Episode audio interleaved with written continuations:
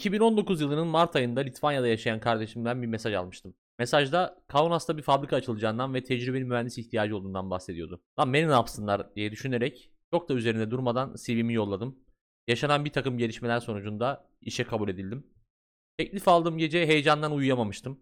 Hani Litvanya'ya taşınmayacak olmaktan, yeni bir işe başlayacak olmaktan ziyade o dönemki müdürümü göt gibi bırakacak olmanın verdiği heyecandı bu. Zaten iş değiştiren arkadaşlar bilirler. Hani yeni işten ziyade eski işteki o amiri, o memuru, o işte hani size iş kitleyen çeşitli insanları göt gibi bırakmanın verdiği his yeni işten, yeni hayattan çok daha zevklidir. Bu arada son akşam bayağı bir hüzün çökmüştü. Hani Litvanya'ya taşınacağım zaman çünkü herkesle vedalaştım falan filan ve askerliği saymazsak 30 yılımı geçirdiğim bir şehire veda edecektim. Eskişehir'e veda edecektim. Tam böyle son akşam işte hüzünlü hüzünlü yürürken önümde bir tane dayı üst solunum yollarını kaldırıma boşaltmak suretiyle bu hüznümü biraz giderdi. O dayıya da minnet borçluyum. Belki de o olmasaydı son anda kararımdan vazgeçebilirdim. Şükündür. Çıkındır. Şükündür. Çükündür. Çükündür. Şükündür. Şükündür. Onu da duydum ama şükündür.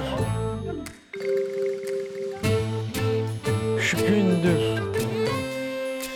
Şükündür. Çükündür. Yurt dışına taşınma motivasyonun ne diye soracak olursanız hani genelde insanlar işte abi artık yaşanmaz bu ülkede ya işte aldım bavulumu gittim işte Türkiye bir mühendis kaybetti Litvanya bilmem ne kazandı gibi bir motivasyonum asla yoktu. Az önce de bahsettiğim gibi kardeşim bir iş ilanı göndermişti ben de başvurmuştum ve olmuştu. Ama şu da bir gerçekti ki insanımızdan yılmıştım yani çünkü özellikle e, o dönem işte 2019'da Türkiye'de İstanbul seçimleri iptal edilmişti falan ve hani bu tarz insanlar hani o durumu haklı gören insanların falan olduğunu görmek beni bayağı bir örselemişti açıkçası. Tabii bambaşka bir ülke ve ortama gidiyor olmak insan hususunda beklentimi biraz arttırmıştı. Kardeşim Litvan halkından zaman zaman şikayetçi olsa da şikayetleri işte soğuk olmaları, fazla diyaloğa girmemeleri. Hani benim için bunlar çok problem değildi açıkçası. Hani çünkü herkesin dalgasına baktığı bir dünyada problem değil bence. Zaten o da şey diyordu hani kimse kimseye karışmıyor. Yani sokakta ölüp kalsan hani ertesi gün falan bulurlar cesedini. Kimse dönüp de abi, abi ne oldu sana falan da demez diyordu. Ki benim için bu gerçekten problem değil yani. Çünkü hani ben sokakta öldükten sonra biri beni almış almamış çok da fark etmiyor benim için. Hani cesedim ve halkın problemi. Yani dolayısıyla benim için bir insanda aranan en büyük özellik kimsenin kimseye karışmaması, herkesin dalgasına bakmasıydı. Sokağın ortasında da ölmeyi verelim yani ne yapayım. Öyle böyle derken Litvanya'ya gittim. E, çalışma iznim çıkana kadar kardeşimle vakit geçirdik. Dolayısıyla hiç böyle Litvan'la tanışma şansım olmadı. Yerel halkla pek e, tanışmadım kimseyle. Ta ki kardeşimin bir iş arkadaşıyla araba pazarına gidene kadar. Çünkü kardeşim o dönem araba almak istiyordu ve bir tane Litvan arkadaşı bunu çeşitli araba pazarlarına götürüp araba beğendirmeye çok iyi bir çocuktu. Kardeşime çok yardımcı olmuş ve gerçekten çok şeydi. Sıra dışı bir arkadaştı. Ama tabii ilk tanıştığım Litvan olması dolayısıyla arabanın içinde geğirmesi, osurması, sürekli cinsel şakalar yapması gibi huyları da biraz açıkçası beni biraz soğutmuştu gibi. Ama olsun sonuçta iyi çocuktu. Kardeşime destek oluyordu. Bu tanışmadan 1-2 hafta sonra işbaşı yaptım ve iş arkadaşlarımla tanıştım. Benim işe başladığım departman yeni kuruluyordu. Zaten fabrikada yeni kuruluyordu. Benim de başladığım departman yepyeniydi yani. Ben ikinci mühendistim. Benden önce bir mühendis daha alınmış. Bu da yerel halktan yani Litvan bir insandı ve ben kendisine bundan sonra Amınoğlu diye hitap edeceğim. Hani kendi adını kullanmayacağım ama Amınoğlu diyeceğim kendisinden bahseder. Neden böyle dediğimi çok iyi anlayacaksınız. Kendisi çok girişken bir arkadaştı. Zaten ben daha gelir gelmez hemen yanıma geldi. Elimi sıktı tanıştı. Çok böyle kırık bir İngilizcesi vardı. Bazı mesela tensleri hiç kullanmıyordu. Mesela hani geçmiş zaman kipi yok gibiydi. Gelecek zamanı pek bilmiyordu. Sürekli şimdiki zaman ve geniş zamanı kullanıyordu. Zaten orada bir hani ben bundan biraz sanki icacık olmayacağını anlamış gibiydim ama çok fazla ön yargılı olmamaya çalışıyordum ve demiş dediğim gibi Avrupa'ya taşındığım için alttan beklentim fazlaydı yani insanlık anlamında beklentim fazlaydı. Ha, Daha ilk günden beni mesela iş çıkışı eve bıraktı. Her ne kadar cadde üzerinde bırakmasını talep etsem de kendisi yok yok illa evine kadar apartmanına kadar bırakayım dedi. Tamam dedim. Ben de o dönem etrafında eski Sovyet blokları olan ama yeni inşa edilmiş bir apartmanda oturuyordum. Dolayısıyla ev biraz daha iyi duruyordu. Ama yani sonuçta çok lüks bir apartman dairesi değildi. Normal bir apartman dairesiydi. Neyse arkadaş beni evin önünde bıraktı. Daha ilk iş kiramı sordu. Ne kadar kira veriyorsun diye. Ben yani maaştı, kiraydı bu tarz şeyler hakkında konuşmayı pek sevmiyorum. Ama söyledim. Daha sonra başladı çok veriyor musun? Niye bu kadar veriyorsun bilmem. Ve hani arabadan inene kadar akla karayı seçtim. Hani niye çok kira verdiğimi falan açıklamaya çalıştım kendisine mal gibi. Daha sonra he he falan deyip geçtim. Yeni işe başlamıştım dediğim gibi. Ama daha fabrika henüz inşaat halindeydi ve yeni yeni kuruluyordu firma. Dolayısıyla bize böyle bir plaza gibi bir yer kiralamışlar ama orada hiçbir şey yapmıyoruz. Bildiğin oturuyoruz. Zaten daha bizim müdürümüz de yoktu. Amirimiz de yoktu. Geçici bir müdür vardı. O da bizi pek sallamıyordu. Sabahtan akşama kadar ofis binasında oturuyorduk ve hiçbir şey yapmıyorduk. Yani çünkü yapacak bir şeyimiz yoktu. Şimdi bu bazı insanlar için sıkıcı aman efendim işte nasıl geçer ki bütün gün falan diye düşüncelere zevk edebilir sizi. Ama asla öyle değil. Ben boş vakite aşık bir insanım. Keşke bütün vakitlerim boş olsa. O kadar güzel değerlendiririm ki. Can sıkıntısından kitap yazmaya başlamıştım. Bir 150 sayfa kadar falan da yazdım. Daha sonra hiç beğenmediğim için sildim. Orası ayrı ama sonuçta yazmıştım. Tabii boş olduğumuz için arkadaş beni sürekli işte hadi kahve içelim, hadi bilmem ne yapalım diye mutfağa götürmeye çalışıyor ama ne konuştuğundan bir şey anlıyorum, ne hani muhabbetinden zevk alıyorum. Yani Amınoğlu gelip gelip ne yapıyorsun? İşte bir şeyler yazdım görüyor. Ne yazıyorsun falan. Yani Türkçe yazıyorum. Sonuçta anlamıyor tabii ki. Darlıyor işte ne yazıyorsun ki bilmem ne falan diye. Hani ulan dedim hasbinallah ya hani bir rahat bırak hani kimse kimseye karışmıyordu falan diye düşünüyorum ama maalesef böyle bir, bir hafif bir darlama yaşandı ama o günleri çok özlüyorum çünkü hayatımın belki de en verimli dönemiydi. Bomboştum, hiçbir işim yoktu ve kafama ne esiyorsa onu yapıyordum. Bu güzel bomboş günler Almanya'ya 6 haftalık bir eğitime gitmemiz gerektiği haberiyle biraz karardı. İlerideki yöneticimiz olacak. O sıralarda Filipinler'de görev alan bir arkadaş vardı. İşte mail atmış, işte eğitim alacağımızı söylemiş. 6 hafta boyunca Almanya'da bir yere işte işte önce 2 hafta bir yere sonra 4 hafta bir yere gidecektik. Şimdi size hani tam şirket adı vermemek adına şöyle bir şey yapacağım. Diyelim ki Dornheim'a gideceksiniz yazmış mail. Tamam mı? Biz de işte Dornheim'a gideceğiz diye Dornheim'daki otelleri falan araştırmaya başladık. Halbuki aslında Dornheim dediği yer şirketmiş ve bu hani şirket işte Münih taraflarında bir şirketin adıymış. Dolayısıyla biz hani Almanya'nın e, doğusuna gidecekken aslında güneyine gitmemiz gerekiyormuş. Yanlışlıkla uçak biletimizi falan ona göre alacaktık. Son anda bu tesadüfü fark ettik ve e, karışıklığı önledik. Yani iletişim bu seviyedeydi şirkette öyle söyleyeyim. Neyse bu yanlış anlamayı giderdikten sonra otel bakmaya başladık. Daha doğrusu hani ben başladım çünkü Amanoğlu pek ilgilenmiyordu. Bak diyordum hani otel seçelim, otel seçmemiz gerekiyor. Hani sonuçta eğitime gideceğiz, uzun bir süre kalacağız. Ki benim Türk Silahlı Kuvvetleri sağ olsun artık bir yerde kalırkenki standartlarım çok düştü. Hatta şöyle söyleyeyim, tek başıma bir odada kaldığım sürece çok da fark etmiyor. Ya yeter ki yanımda biri olmasın. Otel seç diyorum. Eleman ha tamam seçerim falan diyor ama hiç asla seçmiyor yani. Böyle saçma sapan bir durum var. Yani darlıyorum falan yok. Daha sonra mecbur ben seçtim. Çünkü artık eğitim 2 hafta kalmıştı ve ayarlamamız gerekiyordu. Firma bize atıyorum günlük 100 euro veriyordu. Dolayısıyla günlüğü 100 euro olan bir otel bulmamız gerekiyordu. Ve Almanya'da otel fiyatları gerçekten şaşırtıcı derecede yüksekti. Neyse daha sonra e, önce 2 haftalık yere daha sonra 4 haftalık yere olmak üzere 2 tane otel seçtik. Bu arada kendisi bana sürekli işte önündeki planların ne bilmem ne gibi falan sorular söyledi. O dönemler tabii Avrupa'ya yeni taşınmış olduğum için tek planım orada kalıcı olmaktı. Dolayısıyla ben de o yönde cevap veriyordum. İşte burada kalırım işte kalıcı olurum mühendislik yaparım falan filan diye şeyler söylüyordum. Tabii ki bu tarz soruların aslında soruluş amacı genelde karşı tarafın da sizden sormasını istemek ve hani aslında kafasındaki fikri size saçmaya çalışmasıdır. Yani aslında sizin ne yapmaya çalıştığınızı falan pek merak etmiyordur. Dolayısıyla ben de sordum. Hani senin planların ne? Senin bu hayattaki amacın ne falan gibi. O da bana dedi ki ben maksimum 2 sene daha çalışırım. Daha sonra kendimin patronu olacağım şeklinde bir cevap verdi. Bu cevaba Türkiye'den oldukça alışkındım. Çiftlik Bank, Ponzi, işte Detay Maxinet gibi pek çok oluşuma mensup insanlar kendi işimin patronu olacağım. 9-5 iş bana göre değil. Zincirlerinizden kurtulun, zarturt gibi şeyler söylerler çünkü. Bu arkadaş da Ponzi'ciymiş. Oteli seçmiştik ve Almanya'ya gitmemize 2 hafta kalmıştı. Perşembe gününe gelen bir resmi tatil vardı. Litvanya'da bu arada resmi tatiller çoktur. İşte Rusların işgalinden kurtulma, Nazilerin işgalinden kurtulma, İkinci Dünya Savaşı'nı kazanma, işte pagan dini bayramları, Hristiyan dini bayramları derken hemen hemen her ay 1-2 gün şey vardır yani resmi tatil vardır. Neyse işte bu perşembe gününe denk gelen bir resmi tatilde Amunoğlu dedi ki hadi gel dışarı çıkalım içmeye gidelim. Ben de tamam dedim. Çünkü daha iyi bir işim yoktu. Bir yerde buluştuk karısını da getirmiş.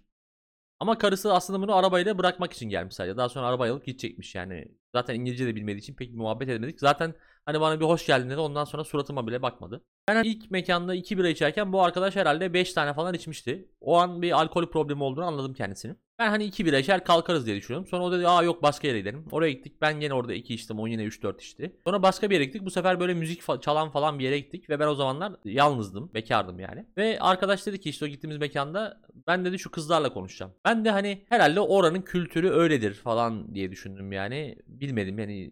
Tamam git konuş dedim. Daha sonra ve bu arada adam evli yani az önce bahsettiğim gibi karısıyla gelmişti ilk yere. Ben de herhalde buranın kültürü öyle veya hani bana mı yardımcı olmaya çalışıyor falan diye düşünürken gitti. Kızlardan siktir yedi geri geldi ve hani hiçbir utangaçlık hiçbir "Ya vay efendim e, pişmanlık göstermeden bayağı pişkin pişkin yanında oturmaya devam etti sırıtarak. Öyleydi böyleydi derken Almanya'ya gidiş günü geldi çattı. Amunoğlu'yla havaalanına beraber gitmedik. Çünkü Kaunas'tan Vilnius'a gidilecekti havaalanı için. Ben sırf hani yolda kafam sikilmesin zaten gün boyu ve hatta belki de 6 hafta boyunca sikilecek diye e, kendisine maruz kalmayı minimuma indirmek adına havaalanında buluşalım dedim. Öyle yaptık. Uçağa bindik. Hatta ben öyle planlamıştım ki uçakta bile ayrı ayrı check-in yaptırdım. Yani yan yana oturmadık şey olsun diye. Hani sırf kafamız kafam daha az sikilsin diye uçakta bile yan yana oturmadık. Ama gel gelelim işte aktarmalı uçuş olduğu için Polonya Chopin havaalanında 2 saat kadar vakit geçirdik. Yine kendisi orada 5 bira içti. Her bira içişinde her bira almaya gittiğinde barda duran kadına laf attı. Kadın bunu hı falan yapıyor ama bu asla dinlemiyor. Yani havaalanından yaka paça dışarı atılmamız an meselesi gibi. Artık utançtan yerin dibine geçmiştim. Almanya'ya vardık. Aracımızı kiraladık. İşte kalacağımız otele vardık. Otel dediğime bakmayın. Almanya'da guest house denen böyle pansiyonumsu yerler oluyor. Öyle bir yerde kalacağımız ve zaten bildiğin köydeydik aslında. O kadar köydeydik ki sabah alarmımdan önce eşek anırmasına uyandım. Yan bahçede eşek varmış. Onun anırmasıyla uyandım. Bizim Amunoğlu gerçek yüzünü göstermeye yavaş yavaş başlamıştı. Otele kahvaltı dahil olduğu için sabah kendisi hayvan gibi yiyordu. Yani şöyle söyleyeyim 5 yumurta falan yiyordu. Sırf öğle yemeği yememek için. Öğle yemeğine para vermemek için. Ki harcırah falan da alıyorduk yani gayet iyi alıyorduk. Ve hani ulaşımdı, konaklamayı da her şeyi şirketten sonuç. Neyse günümüz şöyle geçiyordu.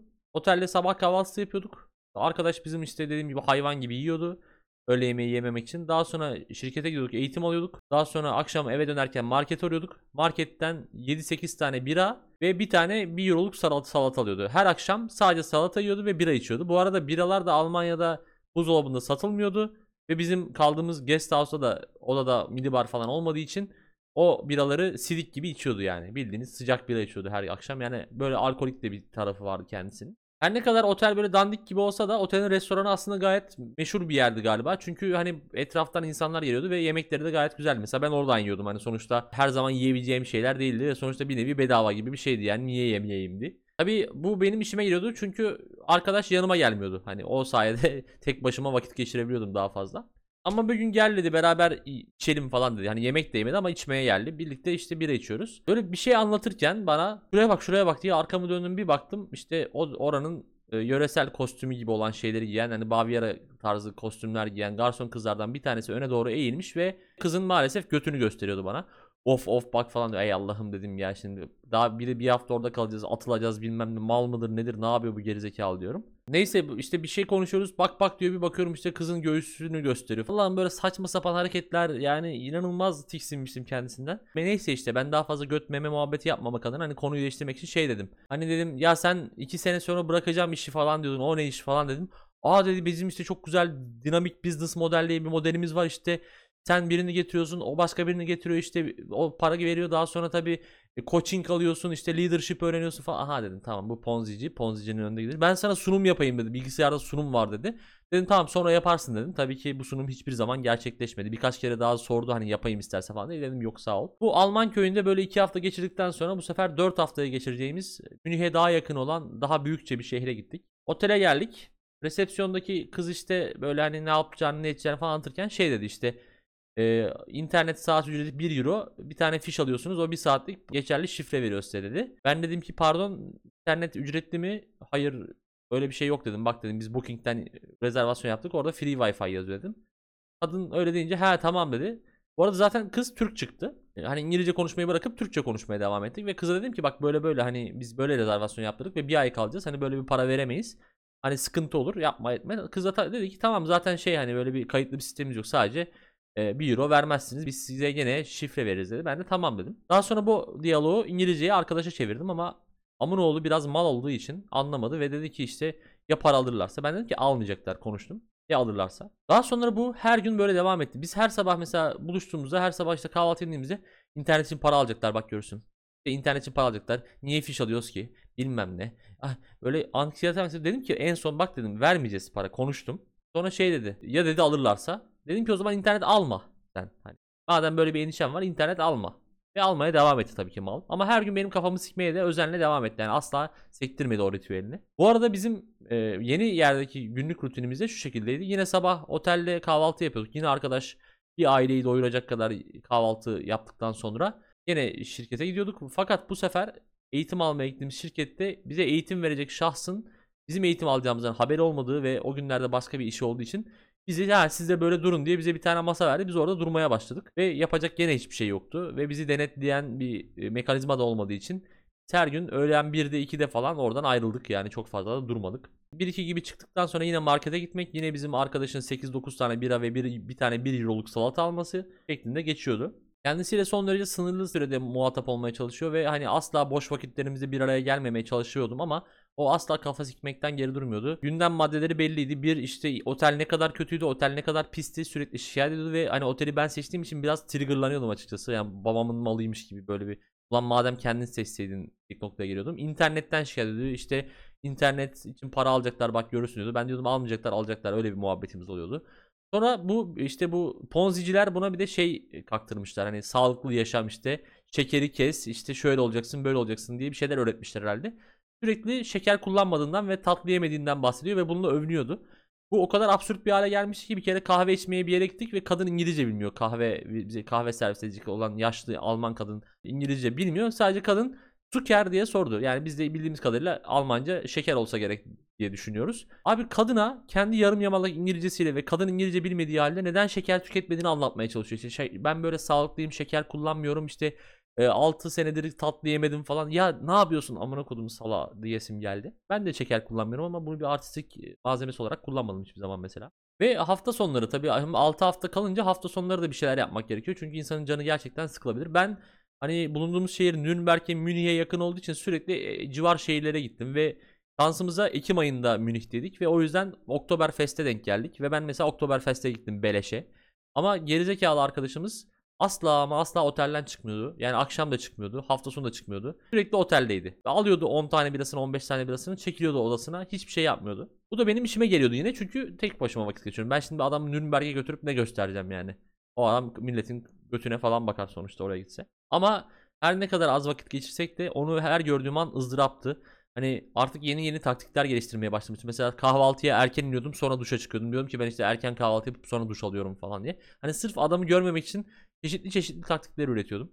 Tabii uzun bir süredir yurt dışında olduğumuz için çamaşırhaneye gitmemiz gerekti. Çünkü artık temiz don noktasında bazı sıkıntılar yaşamaya başlamıştık. Bulunduğumuz şehirde de yani çoğu Avrupa şehrinde bulunan işte bozuk parayla çalışan çamaşırhane mekanizması vardı. Oraya gittik. Tabii normalde fiş fatura falan alınması gerekiyor. Hani öyle çalışması gerekiyor ama öyle bir çamaşırhaneydi ki gerçekten görevli yoktu. Herhalde muhtemelen sabahleyin biri açıyor, akşamleyin biri kilitliyor kapısını. Öyle yani ya da 24 saat açık bile olabilir bilmiyorum.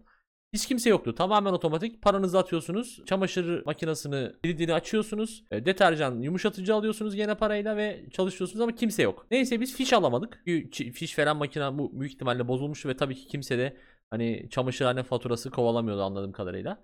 Neyse biz daha sonra iş alamayınca bizimkini yine anksiyete bastı. Demeye başladı işte parayı alamayacağız kaldı. İşte bilmem ulan zaten şirket para veriyor sana her gün oraya gitmen için. Neyse onu geçtim. Hani bir de verdiğimiz para 8 euro. Yani 8 euronun hesabını yapıyordu arkadaş. Neyse ben dedim halledeceğim. Sen şey yapma. Yine başladı. İşte niye buraya geldik? Niye çamaşırhane? Belki otelin çamaşırhanesine verseydik daha iyi. Ya oğlum bir sus yani tamam mı? Hani halledeceğim diyorum ve Sürekli şikayet ediyor. Asla so- hani sorunu çözmek için bir şey yapmıyor. Sürekli benim kafamı sıkıyor. Tek yaptığı eylem bu. Neyse ben kendisine dedim ki tamam ben halledeceğim.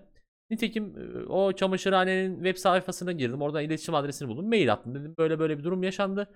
Fatura alamadık. Nasıl yapabiliriz? Bir tane kadın da bize mail attı geri. Dedi ki ne kadarlık yıkama yaptıysanız söyleyin ben size e-fatura göndereyim. Gayet güzel. Gayet güzel bir çözüm. Dedim ki tamam işte arkadaşı yolladım. Dedim böyle böyle ne kadar yaptıysan yolla. Kadın fatura yollayacakmış. Eleman dedi ki acaba 100 euroluk mu yaptık desek? Ya bek koduğum çocuğu. Yani o 100 euroluk çamaşırı yıkaman için bütün gün orada durman gerekiyor. Yani 50 kişinin falan çamaşırını yıkaman gerekiyor. Mal mısın kardeşim sen yani? Ve hani neyin dolandırıcılığını kovalıyorsun? Mal. Daha sonra ben bunun yanlış bir hareket olduğunu ve bir nevi dolandırıcılık olduğunu ikna etmeye çalıştım. Ama o dedi ki yok zaten şirket bizi burada sömürüyor. İşte 100 euro alsak ne olacak ki falan filan demeye başladı. Ben en son dedim ki eğer böyle bir şey yaparsan seni müdüre şikayet ederim. Öyle deyince biraz akıllandı ve vazgeçti bu sevdadan. Bu arada biz hali hazırda Almanya'dayken ikinci bir eğitime gideceğimiz haberini aldık. Bu da bu sefer Berlin ve Stuttgart taraflarında iki eğitim. Ancak yine otel seçmemiz gerekiyordu ve fakat bizim gerizekalı kardeşimiz yine sallamıyordu ama bu sefer kesinlikle kararlıydım ona seçtirecektim. Çünkü benim seçtiğim oteli beğenmeyince ben gerilmiştim yani. Hani sanki benim seçimime yapılmış bir hakaret gibi falan algılıyordum herhalde. Dedim sen seçeceksin. Öyleydi böyle derken seçtirdim iki tane otel. Asistana gönderdik bunları rezervasyon yaptır diye. Daha sonra asistan kızcağız böyle çekine sıkıla hatta kendi de irtibat kuramayarak araya başkasını koyarak ya bu otelden emin misiniz falan diye bir şeyler yazmış. Meğerse şeymiş bu otelin web sitesine girince görülüyor ki iki tane yarı çıplak adam birbirleriyle yastık savaşı yapıyorlar. Yani gay friendly otel olduğu için böyle bir kapak fotoğrafı uygun görmüşler ve kızcağız da hani rahatsız olur musunuz acaba falan diye sormaya da çekinmiş. Hani belki harbiden eşcinselizdir falan alınırız diye düşündü herhalde bilmiyorum. Ben de dedim ki yani ben otel heteroseksüel olsa da eşcinsel olsa da odada yalnız başıma uyumayı düşünüyorum. Arkadaşa soralım. Ama arkadaş tabi aynı zamanda homofobikmiş. O da ortaya çıktı. Ben orada kesinlikle kalmam başka otel bulalım falan filan dedi. İyi dedim. eee, homofobik birey. Sen o zaman bir otel seç orada kalalım. Nitekim seçti. Bir tane Stuttgart'ta bir tane Berlin'de olmak üzere iki otel seçtik. Stuttgart'taki otel yine tam Stuttgart değil. Stuttgart'ın yakınlarında bir köydeydi. Yine guest house'tu. Ve gerçekten görmeniz lazımdı oteli. Yani 1974 yılında, 1978 yılında falan zaman durmuş gibiydi otelin için.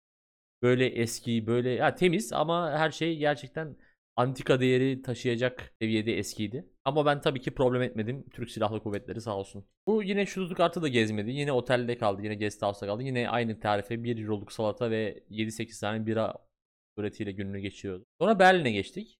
Berlin'de ilginç bir şekilde 2 günlük işimiz olmasına rağmen hafta sonu dahil 5 gün kalacaktık ve bu muhteşem bir fırsattı yani. Millet sene boyunca oraya gitmek için para biriktiriyor falan yani hani sonuçta Berlin çok güzel tarihi bir şehir. Her şeyden önce her köşesinde ayrı bir olay gerçekleşmiş yani çok tuhaf bir şey ve yani ben e, vıldır vıldır gezerken arkadaş yine otelden çıkmadı ve bu arada Berlin'deki otelde şöyle de bir skandal oldu. Bizim günlük bütçemiz kahvaltı dahil otele yetmediği için kahvaltı dahil değil olarak seçmiştik oteli ki bu da problem değildi benim için. Çünkü gider dışarıda kahvaltı yapardım sıkıntı yoktu. Ama bizim kardeşimiz bizim Amınoğlu isimli kardeşimiz otel kahvaltısına sanki kahvaltı dahilmiş gibi her sabah inmiş ve hiçbir şey olmamış gibi sanki kahvaltı dahil anlaşılmış gibi gitmiş kahvaltısını etmiş. Belki hani oradaki insanlar da farkına vardılar ama bu gerizekalıyla uğraşılmaz diye mi düşündüler ya da farkına mı varmadılar bilmiyorum ama çok büyük çingenelik değil mi ya? Hani ki kuruşluk yemek için orada rezil olma potansiyeline değer mi bilmiyorum. Gerçekten çok tuhaf bir insandı.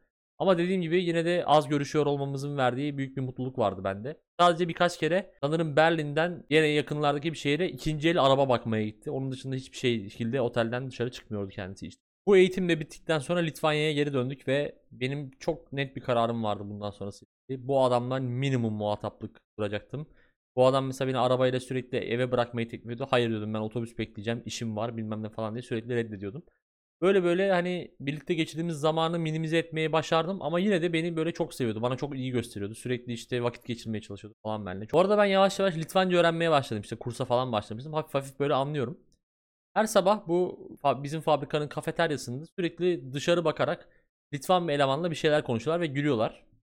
Ben ilerleyen kurlarda yani kurlar ilerledikçe anladım ki bunlar dışarıdan gelen kadınların götlerini puanlıyorlar. Evet bildiğiniz sayısal puanlama yapıyorlardı ve yani öh dedim artık yani hakikaten ve artık hani rahatsız olarak şey dedim yani hani ya bu yaptığın doğru bir şey mi yani evli bir erkeksin hani evli bir erkek olmasan bile yaptığın şey doğru mu dedim. O da dedi ki ben gay değilim. İnanılmaz bir savunmaydı gerçekten. Sokrates bok yesin bu savunmadan sonra. Bu arkadaşımızın bir başka özelliği de iş yerinde sürekli müdürlere yalakalık yapması, arkalarından sürekli atıp tutması, verilen her işe he yaparım demesi ama asla yapmaması ama niye yapmıyorsun diye sorulduğunda çeşitli bahaneler uydurup yine yalakalık yöntemiyle bu işten sıyrılması ve genelde işleri başkasına kaktırmasıydı. Bu arada mesela ben o firmada çalışmaya daha fazla dayanamadım hani böyle iş yükünden falan dolayı ama o kardeşimiz 5 senedir orada ve ben iddia ediyorum oradan da emekli olacak çünkü çok güzel yere tezgah açmış. Sabah gidiyor 2 saat kahve içiyor milletin götünü puanlıyor.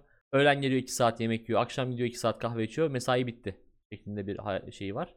Bir yandan da tabii Ponzi Monzi işleriyle uğraşıyor. Hala oradan şeyi kuramadı. Ha bu arada tabii demişti ki hani 2 sene sonra ben çalışmayı düşünmüyorum diye. Bakınız 5 sene oldu hala tık yok. Ponzicilik, cinsiyetçilik, potansiyel dolandırıcılık, alkoliklik ve sapıklık dışında bir başka özelliği de pandemi zamanı ortaya çıktı. Ben pandemiye Litvanya'da yakalanmıştım. Hani bu kardeşimiz tabi tahmin edeceğiniz sürece aşı karşıtı oldu. Hatta aşı karşıtı olmakla da kalmayıp Covid'in bir yalan olduğunu, işte küresel bir planın parçası olduğunu falan iddia edip maske falan da takmamaya çalışıyordu mümkün mertebe ya da takarsa böyle çenesine falan takıyordu. Hatta yani e, normalde mesela Berlin'de otel odasından çıkıp da e, şöyle bir gezeyim demeyen adam sırf Kaunas'tan Vilnius'a aşı karşıtlarının eylemine katılmaya gitmişti. Böyle bir adamdı bu. Kere bu yine pandemi zamanı daha test falan icat olmamış. Hani şey test var da rapid test yok. Sadece hastaneye gidebiliyorsun. Litvanya'da şöyle bir durum vardı. Eğer ateşiniz yüksekse dışarıdan ateşinizi ölçüyorlar. Bedava test yapıyordu hükümet ve hani covid misin değil misin anlaşılıyordu. Ama ateşin yoksa keyfe kadar bir test yaptırmak istiyor- istiyorsan özel hastaneye gidip parayla yaptırıyorsun. O da 75 euro civarı bir şeydi. Bu gerizekalı kardeşimiz mail atmış benim ateşim yüksek diye.